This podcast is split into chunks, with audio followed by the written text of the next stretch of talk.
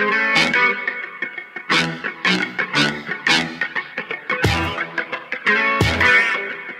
is, dit is het land van Wierde. Een podcast van de Telegraaf met analyses op het nieuws die u elders niet hoort. Met Wierde en Robert Ophorst. Uh, donderdag 8 juli is het. Uh, we gaan het uh, vandaag onder andere hebben over de stijgende coronacijfers. Moeten we ons daar nou zorgen om maken of niet? We gaan het hebben over de vraag hoe, hoe, toegankelijk onze gemeentes eigenlijk zijn. En dan, met, en dan specifiek voor mensen die, die minder valide zijn. Ja. ja. je moet eigenlijk zeggen mensen met een beperking. Mensen met een beperking, excuus. en we gaan het hebben over, over de Britten. Want die hebben een, een, een, een, een fors pakket aan ingrijpende maatregelen aangekondigd. Uh, voor het asielbeleid. Uh, de vraag is, uh, kan en moet Nederland daar iets van leren? Zeker. Toch even om te beginnen, Wiert, want het is een beetje een, of het is een gekke week die toch ook voor een groot deel een teken staat van de aanslag op Peter R. de Vries. Ja. Misdaadverslaggever Peter R. de Vries is neergeschoten en ligt zwaar gewond in het ziekenhuis. Zoals u weet is vanavond Peter R. de Vries neergeschoten in de Lange Leidse Dwarsstraat. Een aanslag op een moedige journalist. En daarmee een aanslag op de vrije journalistiek. Dit is echt gewoon weer in het hart van onze rechtsstaat, maar ook van onze samenleving. We kunnen dit niet accepteren. We willen toch heel graag ons ontsteltenis kenbaar maken voor de verschrikkelijke aanslag gisteren op Peter R. de Vries. We zijn zeer ontdaan hierdoor en wij wensen alle die hem dierbaar zijn heel, heel veel sterkte vandaag en in deze moeilijke tijden. Nou ja, vooral jullie hebben daar natuurlijk hier op de redactie uh, veel uh, van meegekregen. Met die hectiek. Uh, nou ja, ook onze eigen collega's worden natuurlijk ook al jarenlang bedreigd en beveiligd. En dan Peter de Vries is natuurlijk voormalig collega hier. Mm -hmm. Dus dan, dan, dat heeft op de redactie natuurlijk ook wat een en ander teweeg gebracht. Ja, nou absoluut. Ja, ik was zelf de dinsdagavond toen het gebeurde niet niet op de krant, maar wat ik begreep was het inderdaad hectisch. Maar de hectiek zit hem dan vooral in het feit dat er een uh, groot aantal krantenpagina's uh, te 11 uur wordt omgegooid. Uh, eindredacteuren en vormgevers natuurlijk heel druk zijn om alles passend te maken. Ja. En in, in de goede vorm te gieten. En tegelijkertijd wordt, stroomt de website natuurlijk ook vol met nieuws verslaggevers zelf weten wel goed wat ze moeten doen. Het is natuurlijk ook niet zo ingewikkeld wat voor soort verhalen nee, je moet en wil maken. Dat zie je ook. Hè. Alle, alle kranten hebben eigenlijk hetzelfde soort achtergrondverhalen. En dan is het eigenlijk gewoon vooral zaak om uh, het laatste nieuws te hebben. En uh, ook als eerste, want daar werk je toch voor bij de Telegraaf. Verbazend was wel dat in de talkshows en zo um, allerlei necrologieën eigenlijk uh, werden geformuleerd. Hè? Dat je de indruk kreeg dat dat uh, hij al was overleden. Mensen die in de verleden tijd begonnen te praten ja. en zo. Dat, dat toch wel heel uh, naar, vind ik. Ja, dat is ook zo. Maar dat, dat is ook lastig natuurlijk, omdat... Uh, ja, dat, dat, is, dat is inderdaad... Ja. Maar goed, in een brede kader um, moeten we dit natuurlijk zien. En dan kom je bij de, bij de verontrustende vraag... in hoeverre die ondermijning van de rechtsstaat in Nederland in Nederland als narco-staat, wat al heel lang geleden, notabene herinner mij door Chirac ooit, de toenmalige Franse president, werd gezegd. Hè, die beschouwde Nederland destijds ook als een narco-staat. Nou, eh, je had ze hier moeten zien, die politici.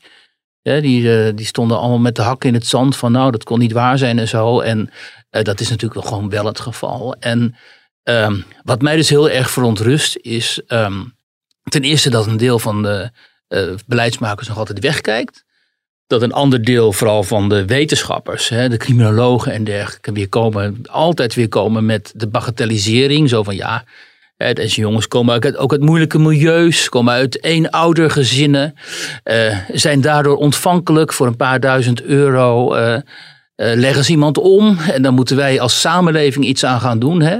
Terwijl al dat soort maatregelen in het verleden heb ik gewoon helemaal geen resultaat gehad. Ik zag nu weer ook iemand op tv die zegt, ja, maar goed, het welzijnswerk in die wijken is ook helemaal naar de knoppen. Dus dan, dan krijg je zoiets. Ik wil best geloven hoor, dat een mix van, aan, van maatregelen noodzakelijk is. Dus zowel harde maatregelen als zachte maatregelen. Dus het weer opzetten van die jeugdzorg en, die, en, die, en, die, um, en het jongerenwerk. Maar, kijk, dat gaat niet het gewenste resultaat hebben. En Nederland begint in mijn ogen, dat heb ik ook op Twitter gezegd, steeds meer te lijken op Rusland in de jaren negentig, waar ik tien jaar lang woonde.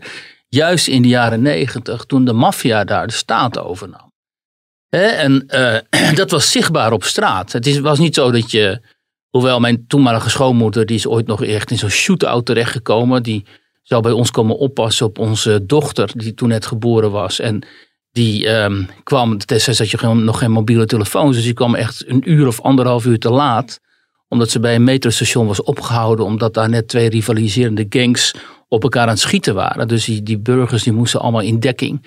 En toen het, eh, toen het aantal doden hoog genoeg was, uh, kon ze weer in de metro eh, naar ons komen. Dus dat was een beetje de sfeer in die tijd. Hè. Je zag gewoon Moskou letterlijk worden overgenomen door Tsjetsjenen, Armeniërs, Georgiërs, mensen uit de Caucasus vooral.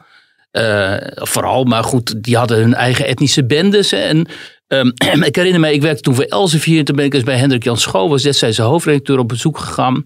En die vroeg aan mij van, wat denk jij nou wat het opengooien van het Oostblok en van die voormalige Sovjet-Unie voor gevolgen gaat hebben voor ons, voor de westerse eh, landen. Ja, toen zei ik al, joh, als, jij die, als jullie die criminaliteit, als wij in het Westen, maar ik sprak toen over jullie natuurlijk, die criminaliteit gaan importeren. Met de breedheid en de totale nietsontziendheid en totaal gebrek aan geweten, dus totale gewetenloosheid die zich op dit moment ontwikkelt in uh, Rusland. Nou, dan hebben jullie helemaal de, de, de, de handvaten niet. En ook niet de mentaliteit en niet ook de psychologie om daarmee om te gaan. En ik hoopte destijds dat um, het Westen dit zou zien. En dat onze veiligheidsdiensten en ook gewoon onze, de mensen die de, de operators in dat veld, dat die toch wel de internationale blik zouden hebben en ook wel de hardheid zouden hebben en het besef van dat je dit voor zoveel mogelijk buiten uh, de deur moet houden. Maar wie schetst mijn verbazing dat wij dus intern, intern uh, deze mensen ook hebben en hadden, of hadden en nu hebben en nu in grote getalen hebben. Namelijk die etnische bendes, hè, zoals de Mokro-maffia, maar natuurlijk ook wat zich daar rond, eh, rond Holleden begaf en zo. Maar dat we dus nu gewoon dit type mensen uh, op grote schaal uh, in Nederland hebben die profiteren van alle zachte weken delen van onze rechtsstaat, van onze democratie. En die eigenlijk gewoon in, op een groot deel de, de, macht hebben overgenomen op straat en elders. En uh, dat wij inderdaad, wat ik toen al vreesde, op geen enkele manier hier tegen opgewassen zijn. En dan moet je dus, wil je hier. en wat mij zo ergert, en het ergert natuurlijk iedereen. Na die moord op Dirk Wiersum zou je toch hebben vermoed dat uh, de ogen open zouden, eindelijk die ogen open gaan. Hè? Uh, bij de machthebbers. En, um, maar goed, toen had je ook Grapperhaus en anderen die allemaal uh, van die um, geschokte woorden en geschokte de, speech reacties gaven en zo. En die kun je nu op één op één na, leggen als reactie op die van Peter R. de Vries. En in de tussentijd is gewoon niets gebeurd. Het is alleen nog maar verder kunnen woekeren. En um, kijk, wat er toen in Rusland is gebeurd uiteindelijk, dat is dat die Poetin aan de macht is gekomen, ook om hier paal en perken aan te stellen. Maar hoe is dat gegaan? De Veiligheidsdienst, voormalig KGB, de FSB, die heeft gewoon de hen onwelgevallige uh, bendes gewoon opgeruimd. En is vervolgens zelf de criminele macht geworden daar. En het enige wat ze gedaan hebben is uh, enigszins de orde herstellen op straat. En het publiek duidelijk maken van jullie hebben in ieder geval nu minder te vrezen van die etnische bendes en zo. Die etnische clans, die kunnen niet maar gewoon random gewoon nog uh, hè, mensen overhoop knallen en zo. Uh, maar als het moet, dan doen wij het. Mhm. Maar nu, nu hebben ze te vrezen van de staat. Nu heb je dus een staatsmafia eigenlijk. En waarvan mensen zeggen, nou ja, we hebben liever dit dit, want hier kunnen wij nog in ieder geval binnen functioneren. We hebben nog liever dit uh, met alle ellende van dien dan wat er destijds was. Want dat was gewoon totale chaos. je loopt nu niet zozeer meer het risico in een shootout terecht te komen als je op de metro stapt. Nee, helemaal niet. Uh, je loopt alleen het risico als je een grote mond hebt en uh, te kritisch bent op de macht, dat je dan uh, zeker als journalist ja. opgepakt gaat worden of in ieder geval tegengewerkt gaat worden. En nu is op dit moment zo de vraag, en dat, dat, dat vond ik ook zo, zo vreemd of zo ja, nou ja, opmerkelijk natuurlijk weer aan die uitzendingen op die avond dat Peter werd uh, uh, uh, neergeschoten. Dat het hier niet over ging. Het ging over dat Wilders, geloof ik, had gezegd dat journalisten tuig van de richel zijn. Of dat Forum voor Democratie wel eens wat zegt over de media. totaal beside the point, weet je wel. Dat, ik bedoel, hier, dit, dit waar ik het nu over heb, is al decennia eigenlijk gaande. En we staan echt aan de rand, in mijn ogen, aan de rand van de afgrond. Omdat een democratische rechtsstaat heeft maar een beperkt arsenaal natuurlijk aan middelen om hiermee om te gaan. En uh, als dit zo verder gaat, dan moet je gaan denken aan uh, uh, buitengewone middelen. Maar ja, die hebben we niet, die kunnen we niet inzetten. Zoals Henk Krol die zegt, zet het leger in. Hè. Dat, ik had gisteren, gisteren even contact met Henk Krol en die zei, ja, wat ik twee jaar geleden zei in de commissievergadering, zet het leger in, was het maar gebeurd. Maar ja, de, de, de democratische rechtsstaat heeft er helemaal geen handvaten voor. Dan moet je allerlei uitzonderlijke wetten gaan gaan schrijven en zo. En daar is natuurlijk in dat soft ja. parlement ook weer helemaal geen meerderheid voor. Het want antwoord zit... was toen ook, hoe ziet u zich dat dan, uh, hoe ziet u dat dan voor zich? Moet het leger dan elke schuur uh, opentrekken en elke voordeur van, uh, ja, van Marlijn, opentrappen? Van Van Torenburg. Precies. Ja, goed dat je even gekeken hebt. Ja. Nou, maar dat was dus een heel vervelend naar antwoord van Van Torenburg. In plaats, en dat zie je nu ook weer, in plaats van dat zij toen. Want even, even uitleggen wat, wat jij nu zegt. Inderdaad, Van Torenburg van CDA is die. Die zei toen, ja, hoe moet het dan? Moet dan het leger vanuit Zeeland optrekken naar het noorden en dan inderdaad elk huis en elke schuur openen om te kijken of daar bandieten zitten? Wat is dat voor een waardeloos antwoord? Nee, natuurlijk niet. Je zag ook Krol ontploffen. Die werd ook woedend van, die, van dit. Wat, wat zijn dit voor domme reacties? Nou je wordt, moet nou gezamenlijk... wordt Krol, nou wordt Krol wel snel woedend hoor. Ja, dat is wel zo. Maar kijk, je moet gezamenlijk. Dit is een, een, een maatschappelijk probleem. Mm. En je, je bent gemeenschappelijk verantwoordelijk voor die samenleving. En als er dan iemand komt een probleem oppert, dan kun je daar een beetje constructief op antwoorden. Want we hebben, onze politie heeft die middelen niet. Dat zag je ook. Hè? Dat, was zo'n, dat is ook zoiets. Zo'n wijkagent. Die zette een foto op Twitter. Ik weet niet of je die gezien hebt. Van vrouwelijke politieagenten bij die, bij die, bij die, bij die, die plaats delict. Mhm. Totaal paniek bij die, daar, bij die meiden. Weet je wel, ze, ze, stonden een beetje achter elkaar. Paniek, angst in de ogen, geschokte reactie. En die wijkagent die schrijft: Ik ben zo trots op mijn collega's. Dan denk ik: Ja, oké, prima dat je trots op hun bent. Maar denk je dat dat dit, moet dit het beeld zijn dat de Nederlandse politie uh, afgeeft aan de onderwereld? Drie blonde jonge meisjes die hartstikke bang zijn en die denken, waar zijn we godsnaam in terechtgekomen? Weet je, die, die, die mokromafia en zo, die lachen zich natuurlijk helemaal slap. Die denken, nou, dit is, hè, dit is gewoon een paradijs voor ons. En ik, hè, en kijk, ik ben niet... Tegelijkertijd moet ik natuurlijk wel zeggen, kijk, dat, dat is natuurlijk ook een, een menselijke reactie. Je, je, je ook bij die agenten zie je de ontzetting in de ogen. En die doen wel, staan daar wel gewoon met hun poten in tuurlijk, de tuurlijk, modder. En tuurlijk. doen gewoon ook volgens mij goed hun werk. Maar tegelijkertijd zag je natuurlijk wel dat binnen een uur werden er twee verdachten Ja, opgepakt. En dat ja. werd gedaan door een, een team eh, op, op de A4 bij de afslag Leidschendam. Ja. Nou, daar zijn ze echt wel van onder de indruk hoor. Ja, dat wilde ik net even toevoegen, want anders krijg ik eh, Mick en John op mijn dak en zo. Kijk, ik zit, dit is niet mijn dossier, dit is niet mijn portefeuille. Ik vertegenwoordig hier alleen maar een, eh, een geluid in de samenleving dat ik om mij heen hoor. En ik kan alleen maar analyseren op basis van mijn, persoonlijke ervaringen als journalist in, in, in een aantal landen. En dat hier natuurlijk ook eh, eh, de diensten zijn die heel goed functioneren. En dat er natuurlijk delen van de politie zijn die gewoon heel goed functioneren. En wel degelijk die hardheid bezitten die, die, die nodig is. En ook die, hè, de, de, de wil die nodig is om dit te bestrijden. Ja. Dit staat natuurlijk buiten kijf.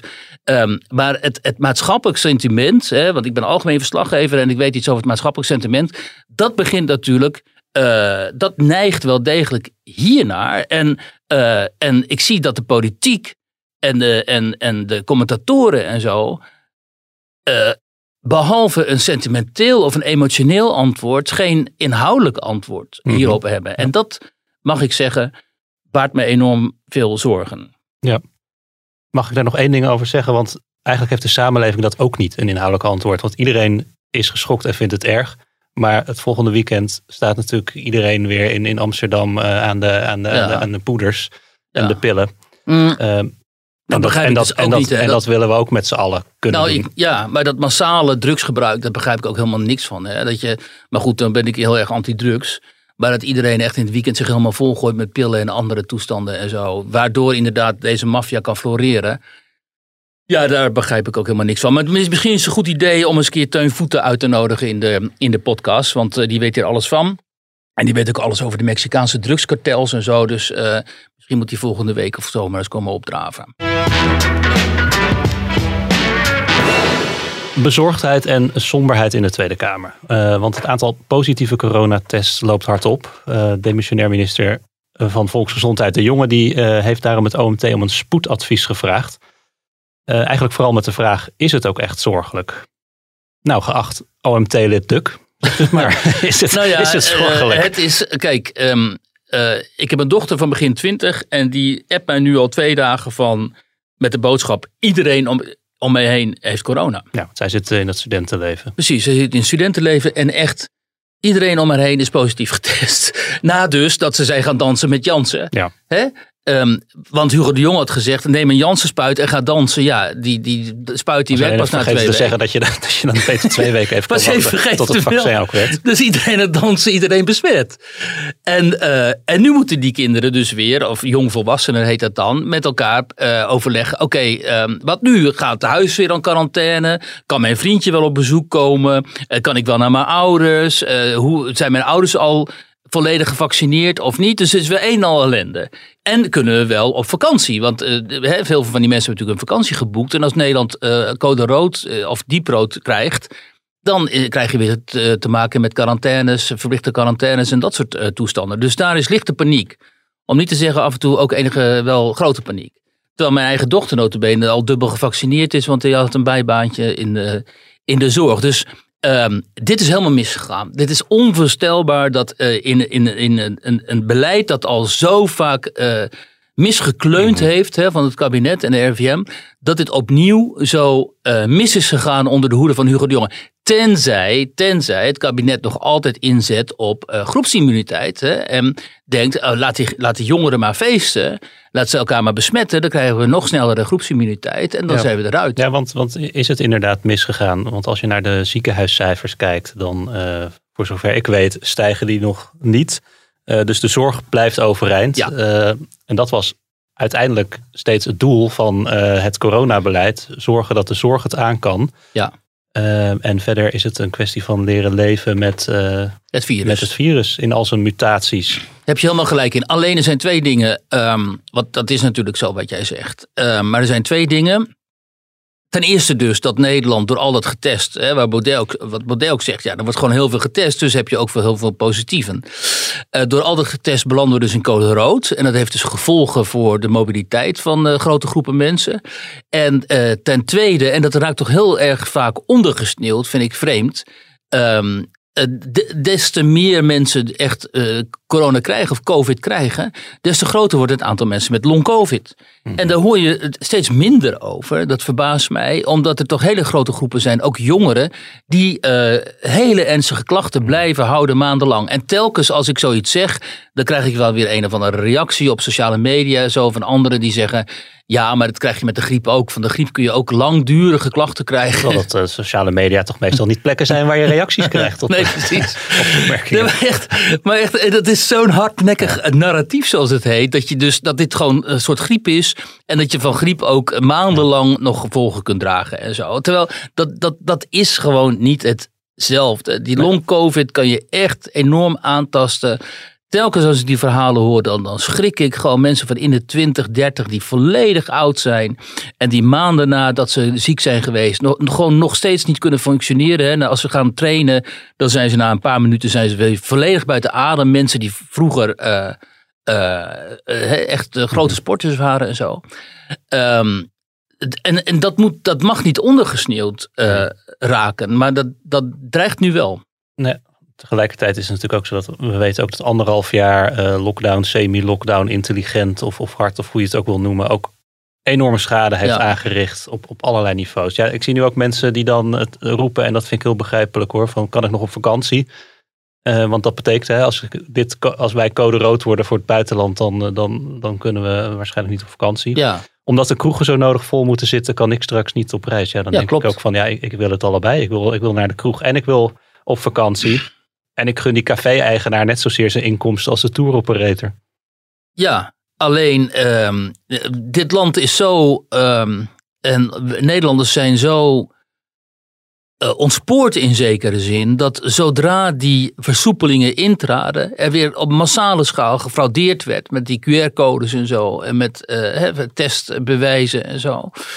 Omdat mensen eh, kennelijk gewoon niet van plan zijn om zich op een beetje volwassen manier aan bepaalde regels te houden. En dan moet vervolgens de overheid weer optreden en zeggen: Oké, dan gooi je de boel toch maar weer dicht, want jullie houden je gewoon niet aan de regels. In heel veel opzichten is het zo'n merkwaardige bevolking. Hè, die, die, ehm, die ten eerste eh, eh, vaak dingen, het gevaar ontkent, hè, zoals ehm, eh, eh, Baudet en anderen doen en zo. Die zeggen ja, griepje. En heel veel, heel veel mensen denken zo, ja, het is een griepje. Terwijl dat is het niet. Maar het is ook niet, het is ook niet de, de, de grote killer. Dat is het ook niet. Maar het is iets ertussenin. En, en daarop zijn regels gebaseerd. Op dat iets ertussenin, die ziekte die daartussenin zit, die kun je zeg maar min of meer indammen of die kun je min of meer beheersen als je aan bepaalde regels houdt. Maar doe je dat, ehm, dan ben je dus een, een, een hè, dan ben je, ehm, dan zit je in de pocket van de overheid of van het World Economic Forum en Klaus Schwab en zo. Eh, en doe je het niet, wat heel veel mensen inmiddels niet meer doen, ja, dan zorg je ervoor dat dit soort eh, eh, spread events ontstaan, waardoor je zo meteen niet meer op vakantie kan. Ik snap ook heel niet hoe die mensen redeneren. Dus je gaat enorm feesten en doen, je gaat bij bij elkaar op de, op de, op de nek hangen en zo. En, en vervolgens kleurt Nederland weer helemaal rood. En dan zeg je, ja, maar nu kan ik niet op vakantie. Dat is niet eerlijk. Ja, weet je, houd je dan eerst even aan die regels. Maar omdat, maar goed, daar hebben we het hier al zo vaak over gehad. Omdat die overheid zo ontzettend laks is en niet goed communiceert. En omdat Hugo de Jonge zegt, weet je wat, neem een spuit en ga direct feesten. Terwijl dat helemaal niet kan en zo.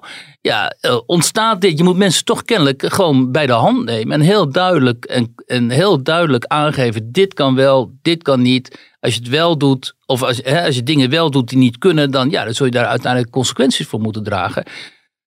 Dus die mensen moeten nu ook niet gaan janken natuurlijk dat ze niet op vakantie kunnen. Maar ze bederven eh, het ook voor eh, heel, veel, eh, heel veel gezinnen. Die hadden gehoopt met hun caravan naar Frankrijk en Spanje te kunnen trekken. En misschien zometeen eh weer rechtsomkeer moeten maken bij, eh, daar bij Breda.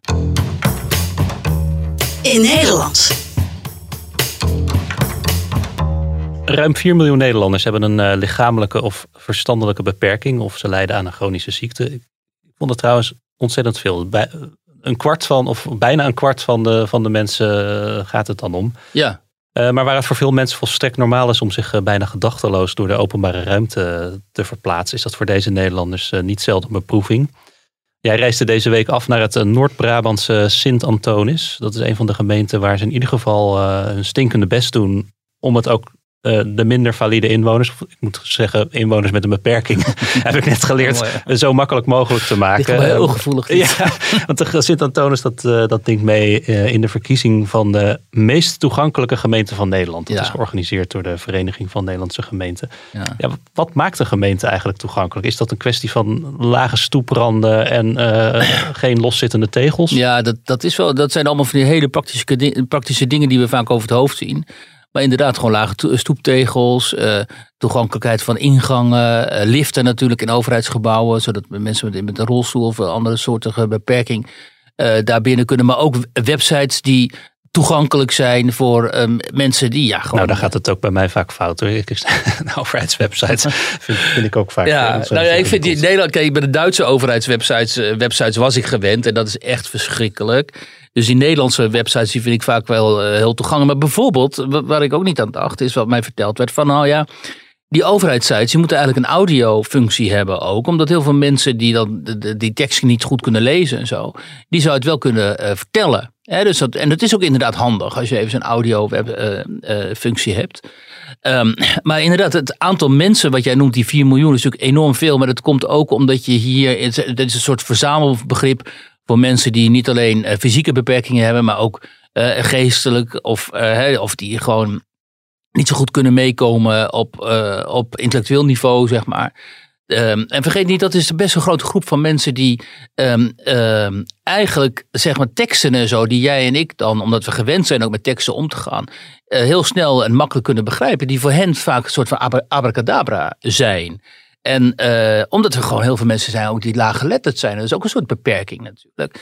Ehm, dus eigenlijk vind ik het wel goed dat daar, eh, of heel goed sowieso, want ik vind ook dat iedereen mee moet kunnen komen, dat daar eh, aandacht voor ehm, gevraagd wordt. En wat mij dan opviel in die gesprekken met die mensen die dit organiseren, die zeggen, ja, in de Verenigde Staten bijvoorbeeld, vanuit het hele inclusieve denken en zo, waar wij hier vaak kritiek op willen hebben, omdat, of hebben, omdat het zo vaak doorslaat. Maar vanuit het inclusieve denken, waar ook op wetgeving op gemaakt is, zijn de Amerikanen eigenlijk daar veel uh, verder in. Um, en uh, kijk, en bijvoorbeeld wij vinden nu bij de persconferenties normaal dat Irma heet ze geloof ik daar staat mm. hè, als, uh, als gebaren tolk.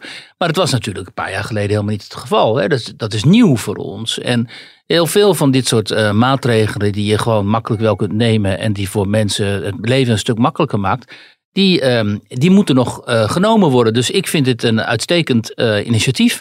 En um, dan is in Sint-Antonius bijvoorbeeld heb je ook echt zo'n platform voor mensen met een handicap. Wat die gedaan hebben bijvoorbeeld is um, wandelroutes maken voor uh, mensen met beperkingen dan.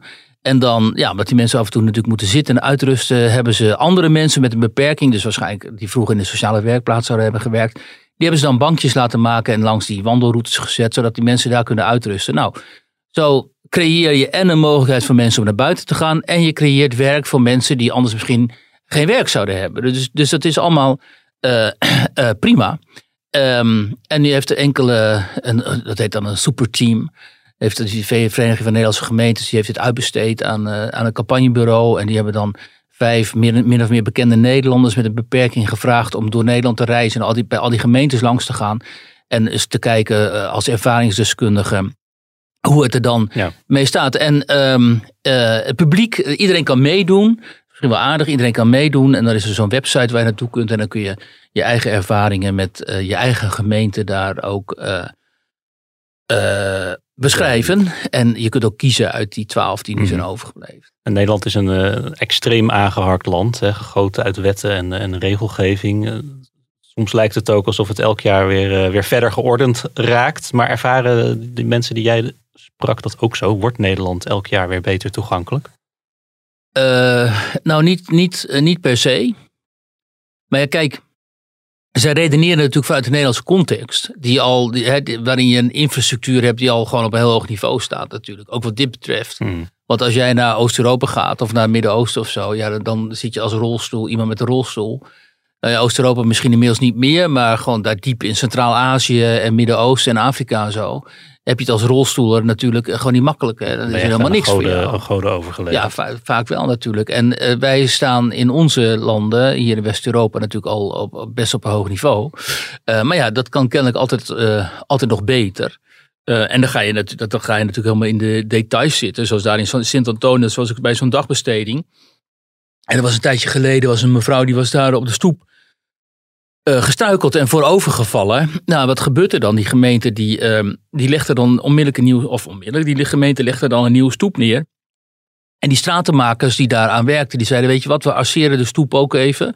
Dan is het voor mensen die met slecht zicht ook wat beter uh, zichtbaar. Dus die dachten gewoon mee, wat ik wel heel erg leuk vond. Um, maar ja, dat, dat, zo gaat het uh, in Nederland dus kennelijk soms. En, uh, en dat, dat ontstaat misschien ook wel als in zo'n gemeente er een mentaliteit is van dat je op, elkaar let. En dat je ook op dat soort dingen let en zo. Maar de, uiteindelijk gaat het natuurlijk inderdaad om de, om de details. Een van die min of meer bekende Nederlanders die dan in dat superteam zit, Jos Dekker. Die, zit in, die vertelde over een brug, een nieuwe brug in Nijmegen. En die wordt dan gebouwd, maar er was nog geen rekening gehouden met mensen die daar met een beperking die er dan ook wel over, overheen zouden willen bijvoorbeeld. En dat, dat vond ze dan wel heel vreemd. Omdat in deze tijd zou je verwachten dat daar wel uh, die mogelijkheid voor zou worden gecreëerd. Maar kennelijk is het dan toch niet gebeurd. En nou ja, en daar willen ze dan uh, de aandacht op vestigen. Kijk, het zijn niet voor ons natuurlijk helemaal geen, geen existentiële problemen. Maar voor mensen die slechte been zijn en zo, is het, zijn het, is het gewoon hun dagelijkse problematiek. Dus ik vond het wel eens goed om daar wat uh, aandacht op te vestigen. Want ik ga, ik ga ervan uit dat onze lezers en misschien ook wel onder de luisteraars van de podcast ook mensen zijn die hiermee geconfronteerd worden.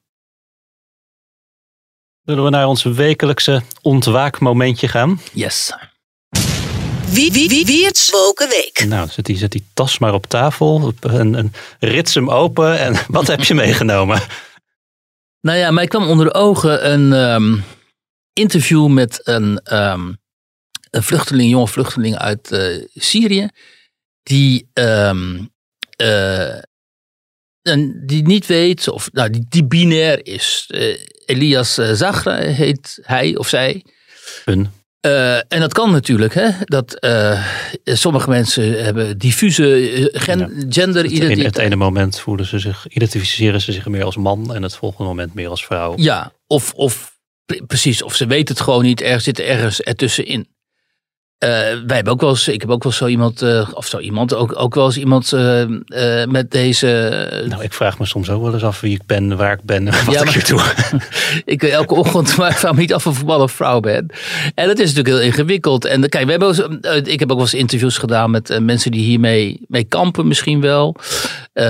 Het- degene die ik interviewde toen, die wilde gewoon een X in het paspoort hebben. Niet MV of X. En het is ook eh, gelukt uiteindelijk. Dus ook daar met hen, met deze mensen, een hele kleine groep natuurlijk wordt in Nederland gewoon rekening gehouden. is ook goed, omdat ehm, eh, ik wil niet politiek correct overkomen, maar ik vind iedereen moet gewoon vrij, vrij, zoveel mogelijk vrijheid Dat is voelen. gewoon liberaal hoor. Precies, dat is gewoon een liberaal standpunt en daar doen we verder niet moeilijk over. Maar wat mij heeft opviel, eh, is dat in, dat, in, de, in, de, in de taal, waarin, dus in, de, in, in het stuk zelf, zeg maar de, eh, de ideologie van die gender, gender, dus die genderideologie wordt overgenomen. Ehm, dus dan krijg je, en dat is dus heel merkwaardig, eh, en dan kunnen we ook even een stap verder maken. Namelijk dat, omdat Elias dus niet weet of, het een, of, of het, een hij, het een hij of een zij is, gaan ze dus in meervoud eh, praten. Is het een they, zij. Maar dat, dan krijg je dus een hele rare situatie in zo'n stuk. Omdat ehm, daar dan zinnen in komen te staan als... binnenkort verhuist hen naar Hilversum. Waar hen een modeopleiding gaat volgen. Nou, dat kan niet. Dat is, eh, dat is grammaticaal fout. Bovendien, ehm, we hebben het hier over één persoon... en niet over meerdere eh, personen. Want hier staat ook bijvoorbeeld... Eh, ik heb gelukkig geen bloed gezien of heel erge dingen meegemaakt, zegt de non-binaire Elia Zagra over hun jeugd in Aleppo. En ehm, ja, dat, wiens jeugd is dit dan? Is het dan van Elias of is het dan de jeugd van een aantal eh, eh, kinderen? En het, het punt is natuurlijk dat je als journalist kun je de problematiek beschrijven, voor zover het problematiek is, of het fenomeen, laten we het zo zeggen. Maar je moet niet meegaan, vind ik dan, in het taalkundig of in, in het ge- gebruik van dit soort activistisch jargon. Want dan verwar je, eh, dan, dan ga je zelf in het kamp van die activisten zitten. En je verwart ook natuurlijk eh, je lezers die echt niet meer begrijpen over wie je het hebt of waar dit over eh, gaat. Bovendien legitimeer je ook de uitwassen. En dan kom ik op iets wat ik interessanter vind.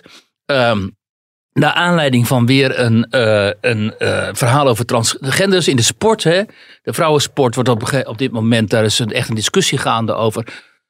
Of eh, transgender mannen wel in de vrouwen, dus mannen die zich vrouw voelen en die dan die transitie doormaken, of die wel in de vrouwensport actief mogen zijn, omdat ze daar gewoon aan competitievervalsing doen. Die zijn gewoon veel sterker en veel groter vaak. Dus die, die vegen die vrouwen gewoon weg. En dat is natuurlijk voor mensen, voor vrouwen die heel lang getraind hebben om een bepaalde kwaliteit te bereiken, is het gewoon heel naar. En eh daar was, ontstond een discussie op. En toen meldde een, ehm, eh, een eh, lesbische vrouw zich bij mij.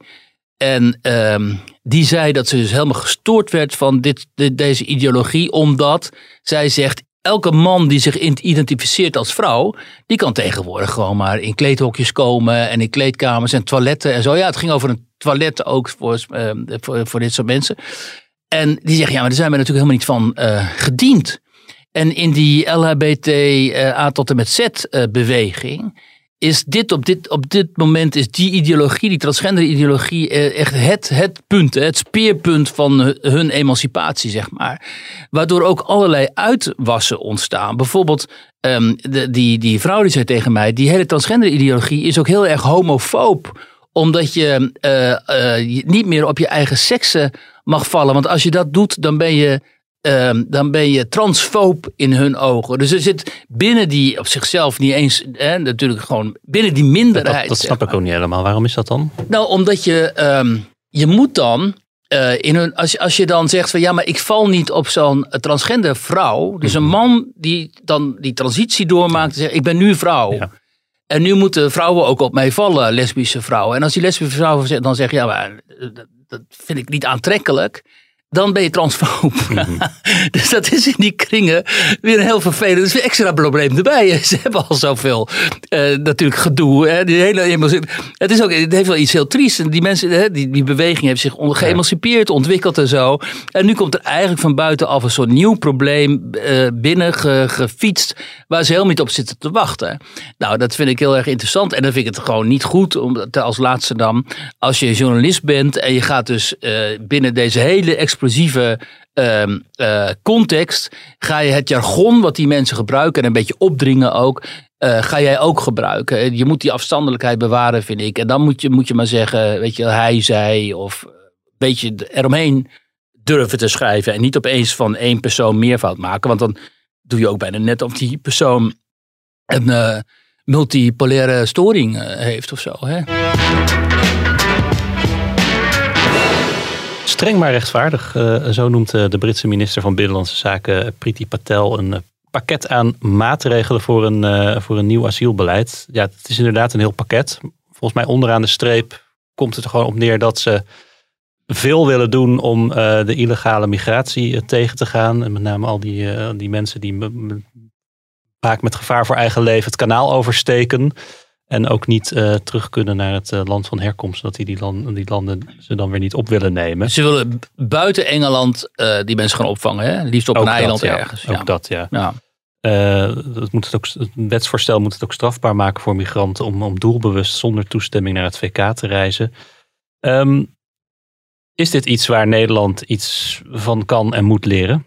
Ja, zeker. Omdat dit dus, het stuit ook niet voor niks op heel veel weerstand in linkse kringen. Dit is dus een van de manieren als die Britten dit erdoor krijgen om die immigratie enigszins uh, in toom te houden. Omdat die Britten zeggen, uh, niet alleen willen wij buiten Engeland, buiten het Verenigd Koninkrijk mensen gaan opvangen. Dus we willen gewoon een soort land leasen of zo. En daar die uh, vluchtelingen onderbrengen en daar hun zaak bekijken. Wat Denemarken overigens ook wil, hè, want Denemarken heeft een opt-out in de, in de Europese Unie en het Verenigd Koninkrijk is er gewoon uit. Of althans, uh, Engeland is eruit. Mm -hmm. en, um, en ze maken heel veel zaken strafbaar. Dus bijvoorbeeld als je dat dan toch binnenkomt illegaal. Dan uh, kun je echt op een flinke, ik meen niet zo vier jaar rekenen of zo. En als je die mensensmokkelaars, die kunnen gewoon levenslang gaan krijgen. Dus een uh, heel pakket aan maatregelen, wat in ieder geval afschrikwekkend zal uh, zijn, zal blijken te zijn, hoop ik. En wat, of hopen zij ook. Hopen zij natuurlijk ook. Uh, en wat ze alleen maar kunnen ne nemen omdat ze uit die EU zijn. Want als je binnen de EU zit, dan zit je met dat gemeenschappelijke beleid uh, opgescheept. Nederland, voor Nederland is het dus ook onmogelijk, want we hebben die opt-out niet en we zitten in die EU. en de EU gaat nooit, hè, want het gaat dit nooit overnemen. Want um, je ziet al aan die heftige reacties van Labour bijvoorbeeld. Dat zegt, ja, dit is onbarmhartig en schandalig en dit mag niet en zo. Ja, en dat soort sentimenten leven natuurlijk ook heel erg in Brussel en bij, um, in, bij, de, bij zeg maar de elites in, um, ook in Nederland trouwens, maar in Duitsland en elders. Uh, maar die bekritiseren Hongarije en Polen al als die zeggen, ja, we willen niet zoveel immigranten opnemen. Maar um, dat dit gebeurt is uh, nou, gewoon veelzeggend en Misschien kan het wel een soort model worden als het lukt, als het die Britten lukt, om dit op te tuigen. Ja. Kan het een soort model worden waar Nederland naar gaan, kan gaan kijken. Ja, er zat in ieder geval één element in uh, dat uh, uh, landen die geen asielzoekers terug willen nemen omdat die geen recht op opvang hebben, als, het, als die dat niet doen, dan als straf worden, worden visa-aanvragen niet uh, goedgekeurd. Ja, nou, dan, dat soort dingen. Al bij, bij Nederland, ja, Marokko wil onze inmiddels ja. demissionaire staatssecretaris van asielzaken niet eens ontvangen. Ja. Laat staan dat er afspraken te maken zijn over dat soort. Ja, er wordt er altijd gezegd, ja, maar we kunnen er niks aan doen, want Marokko wil die illegale Mar uh, Marokkanen die hier door het land zwerven niet uh, terugnemen. Ja, Marokko is blij dat ze er vanaf zijn. En dan krijg je broekers knol en die zeggen, oh, ik kan niks doen, dat is ook, ik heb geprobeerd en zo. Terwijl natuurlijk kun je wel wat doen, weet je. Maar dat is dus het probleem altijd. Um, uh, zo, als het moet bijvoorbeeld met corona kunnen ook opeens de grenzen dicht. Hè? Maar als, als mensen die zeggen, joh, we nemen per week 600, 700 mensen op of zo. En dat kan zo niet doorgaan, want er leeft veel te veel druk ja. op de huizenmarkt en op de andere markt. Dan zeggen ze, ja nee, maar we zitten binnen de EU, kunnen we niks aan doen. Nee, er zo, is gewoon, gewoon, geen politieke wil dan op dat moment. Maar het, het interessante nee, is want inderdaad want wel Rutte dat, moet uh, naar Brussel en die moet zich dan tegen verantwoorden en ja. daar heeft hij geen zin in. Maar jij zegt eh, inderdaad terecht van, want dat zag je nu in de reacties, dat alle, alle vluchtelingen en mensenrechtenorganisaties natuurlijk op hun achterste benen staan. Dan is het ook de vraag of, het, of, dit, of dit mag volgens het VN-vluchtelingenverdrag, waar eh, de Britten zich wel aan hebben gecommitteerd. Eh, maar die, die, die, die, die Priti Patel zegt ook gewoon, ja, dit is wat onze kiezers keer op keer Ja. hebben aangegeven. Ja. Dus er is gewoon electoraal, zijn mensen hiervoor. Ja. En dan moeten wij wel. Dan- En natuurlijk in wij- Nederland is ook een meerderheid gewoon hier natuurlijk voor. Hè? En, eh, maar omdat zeg maar progressief-liberaal Nederland al sinds jaar en dag aan de macht is. En eh, de VVD hele toere, zo- dus stoere taal uitslaat, maar altijd in coalities weer eh, de softe aanpak kiest. is het gewoon helemaal uit de, uit de hand gelopen. Want natuurlijk is er een meerderheid, centrumrechtse meerderheid in Nederland, die zegt: ja, maar wij, wij willen dit ook niet.